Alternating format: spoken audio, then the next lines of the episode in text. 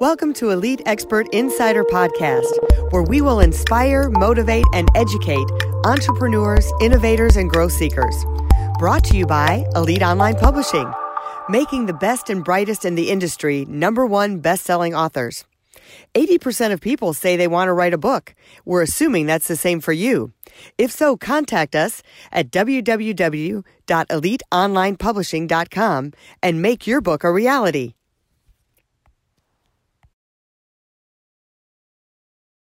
Hi, Melanie Johnson here with another great podcast. I have my partner in crime, so to speak, Jen Foster. How you doing, Jen? Hey guys, how's it going?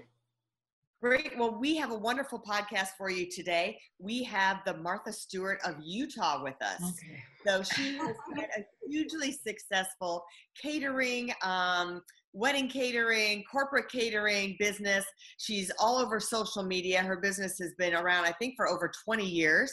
Uh, um, 30, 34 to be exact. Oh my gosh, over 30 years. Holy yeah. cow. So she's got a wealth of information. She's a blazing women on, woman entrepreneur. So we're going to learn a bunch of stuff from her today. And first, we want to remind you please subscribe to our podcast.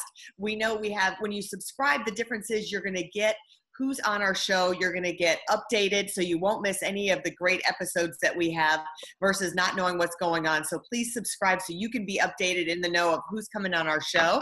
I want to subscribe. Yes. Mary's going to subscribe for us and then make sure you share it with other people. We'd right. love you to share it and leave us comments and hear from you.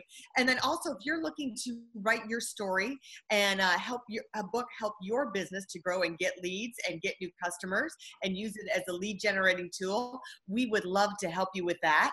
Um, we have a, a book here called Life Legacy Challenge, which I wrote off from my TED Talk, and there's some great information in here on how to start your book, how to publish your book, and again, we would love to do that for you. We've had over 50 number one best-selling authors, and we have over 1,400 titles on Amazon.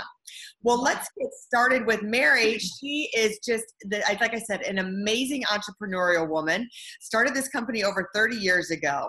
Welcome, Mary. Thank you so much. Mary Crafts Homer, thank you so much for coming.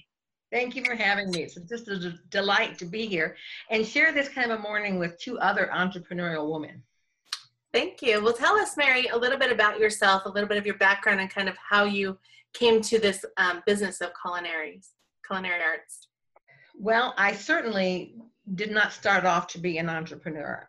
I wanted to be a stay-at-home mom, like so many women in my generation, and thought that that was what was ahead of me. That's what my mother did. That's what I was going to do.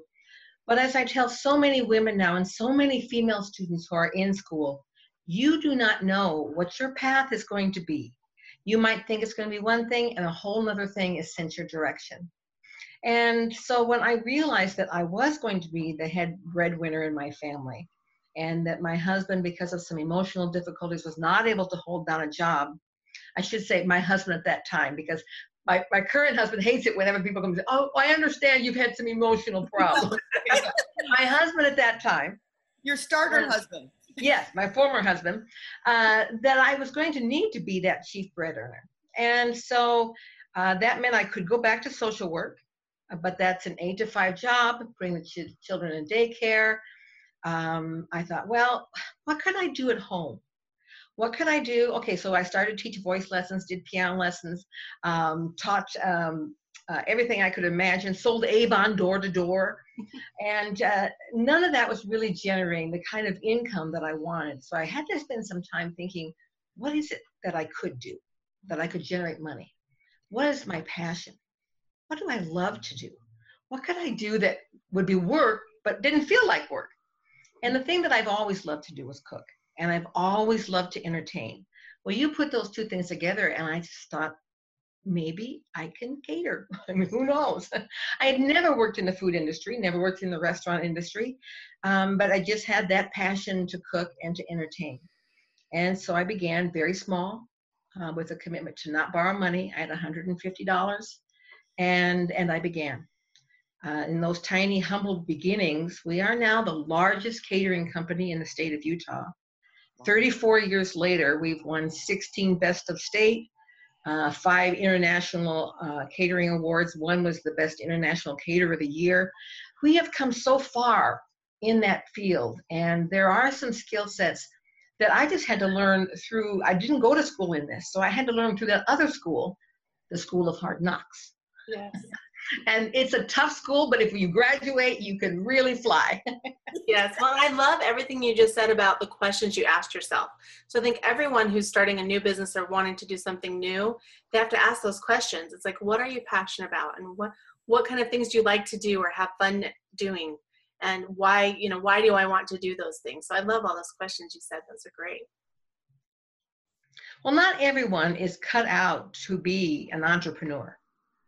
Right. Some people, they should work a regular eight to five job. They should work for someone else. They want their nights free, their weekends free. Uh, and if that's who you are, don't plan on being an entrepreneur because you get really no time off. You live and breathe whatever is in front of you at that moment. Mm-hmm. And you are the bottom line responsible. Nobody's coming in and providing your health insurance for you and your 401k unless you do it. And you have to be willing and motivated to work that hard, to be full of that many new ideas, to recreate yourself all the time. If you can imagine in 34 years, how many times I've had to reinvent culinary crafts in order to stay fresh, cutting edge, new. We're kind of known as setting the trends. Well, that doesn't just come easy when you're my age. I have to be out there looking. Uh, of course, I don't mind traveling and the R and D needed to do it. To do it, but with that said, it's it's a constant journey. Yeah. There's no place of rest. The entrepreneur either loves that or they hate it and they should not do it. What would you say? Like you said, you've had to reinvent yourselves over and over again. And I think a lot of businesses, they maybe find what they think is working and they stay with it. And then they become dinosaurs without knowing they're not keeping up with what's going on.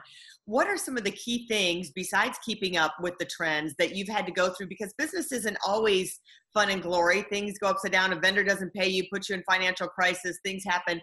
What has sustained you over these 30 years in your business that you can give advice to people? Mm. Okay. Well, there's there's the creative side that has sustained me, and then there's the actual financial business side. And um, this side, my father was a great businessman, so I kind of came by that um, through my father, and I had a sense of wanting to be of service to people, um, to be honest, full of integrity. Those kind of things are the same principles back then, are the same principles now. And so those kind of things are with you always. They don't change. However, how I did them definitely changed. In the beginning, my idea of accounting was taking a piece of paper, writing everything down by hand, um, adding it up on a you know key machine, and then keeping track of it. And uh, my way of doing an, a take order was to do it all by hand. And you know, I can remember back when I would tell people, um, "I'm going to send you your proposal. It'll come in the mail in about a week." you know, I mean, who you wouldn't even you just laugh at that. Who would do that now? Right. So I've had to stay on top of that. And you know, the way I was doing things worked great for the first million dollars in business. But then does that work when you get to three? When you get to five? When you get to eight? I had to continually reinvent allow myself to trust people, hire an accountant, hire an accounting firm, uh, learn about the computer, learn about the fax machine. That was a whole new adventure. Somebody said, you know, can you fax this to me? I'd run across the street and use the business across the street. And when they say, can you email it? The first time I said, I think I can do that when my children get home from school. yeah. You know, that's kind of craziness. So I've changed business wise a lot in becoming just really, you have to grow with your company and what your company's needs are, become much more savvy in that aspect. Yeah. In the creative aspect, that never ends for me and i love that piece um, i read 12 food magazines a year i read I, dozens of blogs i travel i do all those things and i look for those things which are going to keep us front and edgy and I know that people are watching us. What are culinary crafts doing? And that's what we want to do to be cutting edge. And so I'm never worried about my competition copying what I'm doing. Because if you worry about that, that means that you believe there's an end to creativity. And I don't. They can copy, and I'm just going to invent something else. Yeah, I love that. And, that, you know, we were checking out your social media and your Pinterest and all the different things and it's fun to see all of the things you've created and all the fun things that you know i would have never thought of um, you know just like that you had some chips on a skewer that you made and just some really cool stuff and and to be able to um, to have the trend and be the trendsetter for that is awesome. So I love that you talked about the research because I think that is really important. You know, you're you're you're staying on top of it by by keeping active. Of the things that you are doing, like Jen was bringing up about the social media and the Pinterest and the YouTube, um, what are you finding for your business? Um, do you feel like you have to be everywhere, or are there certain things that you've honed down and you think this is Mm. working better for us than other In- things? In terms of the social media, is that yeah? Your marketing and social media. Yes. Well, you know, definitely we've gone from the days of yellow page ads. Um, and I used to bemoan that they weren't in color. Um, then, you know, those left. And, and now we're kind of in the middle of looking at print. Really, how much print are we going to do from this point? We have kind of whittled that down, but we're still in bride magazines because they like the tactile Mhm. but uh, much less of that and it so much electronic um, so we started doing uh, videos and launching our own youtube channel because we know how much people love to push the little arrow button and watch a video. Um, and social media is huge and so we want to make sure we have a presence on social media. But when we actually take a look at our client base because we're kind of at that upper echelon you know 5% of people who are looking for catering that's not where they're shopping for catering. That's where the millennials are shopping, but they're not yet buying our level of catering unless their boss tells them, go find me a caterer. So we want to make sure we're appeal to them, we're up, we're hip, we're doing all these great things. We have videos, we're, we're like everything. But where does the person look who is shopping? That's if they're in that upper 10%. Right. They are asking their friends. They are talking to a venue about a referral. They usually are only doing this one-on-one basis of, of spending that kind of money. When you're going to spend that kind of money, you don't do it off of what something you saw on a social media post. Right. So we know the importance of our networking, of hosting events for our clients, uh, sending things to people who have done events with us, keeping our venues happy, um, keep, keeping people who are also in the event industry in love with us. And we're just getting ready to um, do a big preview party for 2018 of our new food, new presentation. Um, all those people are invited. So for us, you have to have a mix of making sure you have enough marketing dollars to um, target those people who are actually buying catering and enough marketing dollars to stay current on social media. Oh my gosh, it's taking so much marketing dollars now. very very true well and and tell us a little bit about um you know i mean tell us more about your services so i know you you mentioned wedding catering and corporate catering what are some of the other things that you guys do well, I would say catering is probably divided really in three categories um, wedding, and you can't be in Utah without doing weddings. You just can't. That's how I started. I still do weddings, but it's now only about 25% of my company. Then there's corporate catering, which comprises about 65% of my catering.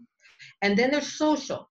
These would be things like a 50th birthday party, a bat mitzvah, a bar mitzvah, you know, those kinds of things uh, would encompass that last 10%.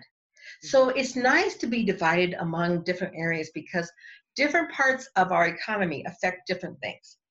For example, during the recession in 2008, I lost 60% of my bookings. Just like that. I got so I was afraid to pick up the phone because everyone wanted to cancel. It was, if you could recall, in the fall, they wanted to cancel all their holiday parties, their holiday gifts, their baskets, blah, blah, blah. Oh, please. But if your daughter was your only daughter and she was getting married, the recession did not stop you. So having that piece of social and wedding catering certainly sustained us. We didn't lose any of those bookings. yeah And then waited for the social or the corporate to come back, and it has come back in Utah with a vengeance. That's the biggest chunk that has grown. You know, it reminds me of uh, Mr. Wonderful on Shark Tank. You know, the weddings, people always get married, they always have babies, and they always die. So if you're in those, some part of that business, Equation, yeah. it's going to sustain. It might go down some, but it's still going to sustain. And that's part of our social catering is we actually do cater a lot of what they call now, they don't call them funerals, they call them life celebrations. Right. And I love that. Um, and um, but you know, you have to be careful there. And I want to be careful when I cater that particular piece. It's so easy to gouge people because they're like, whatever, just sign on the bottom line. And right. so you really want to make sure you're you're fair to them. This is a hard time for them. I don't want them to come back in a month and think and say, My gosh, what did I spend for that? and then bad mouth me about town. I want them to know that I, I was there for them. I created a wonderful event for them, that they didn't have to worry about this little detail, and that, that I continue as a, as a good word on their lips. Right, right. I love that. Well, thank you so much for coming today. It's been wonderful having you. Thank is you. last piece of advice being a businesswoman, um, which is different than being a businessman, um, that you have found that has worked for you as a businesswoman? Well, things like having a core value, having things like overcoming fear. Um, each one of us deal with that, and women in business particularly. I've started a podcast uh, which deals not with food, but with, um, I call it crafting a meaningful life. And it's those core values, um, the universal principles that are good for men and women that my podcast is about. about. And you can find that at Crafting a Meaningful Life or at uh, Mary Crafts Homer podcast. So that's great. Martha Stewart of Utah. Martha Stewart doesn't just cook. That's great. Well, we'll put those links up at the bottom. And um, if you're watching on YouTube or if you're listening, then you can go to those links. Do you want to say them one more time, Mary?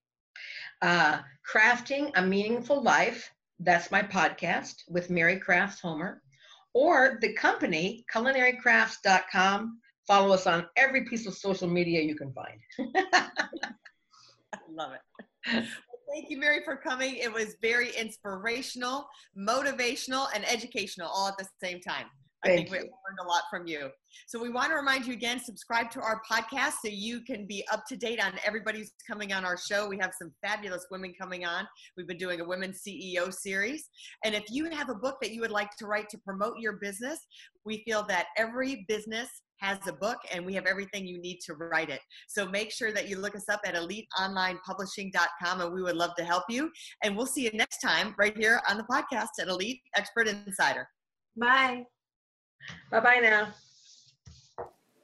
If you'd like to create the most powerful advertising tool for your business, contact us at eliteonlinepublishing.com, where we will help you create, publish, and make your book a number one bestseller and show you how to get new leads and more revenue for your business.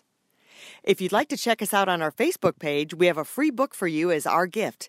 Just go and click free book. Remember to subscribe and leave a comment for our podcast. We would love to hear from you.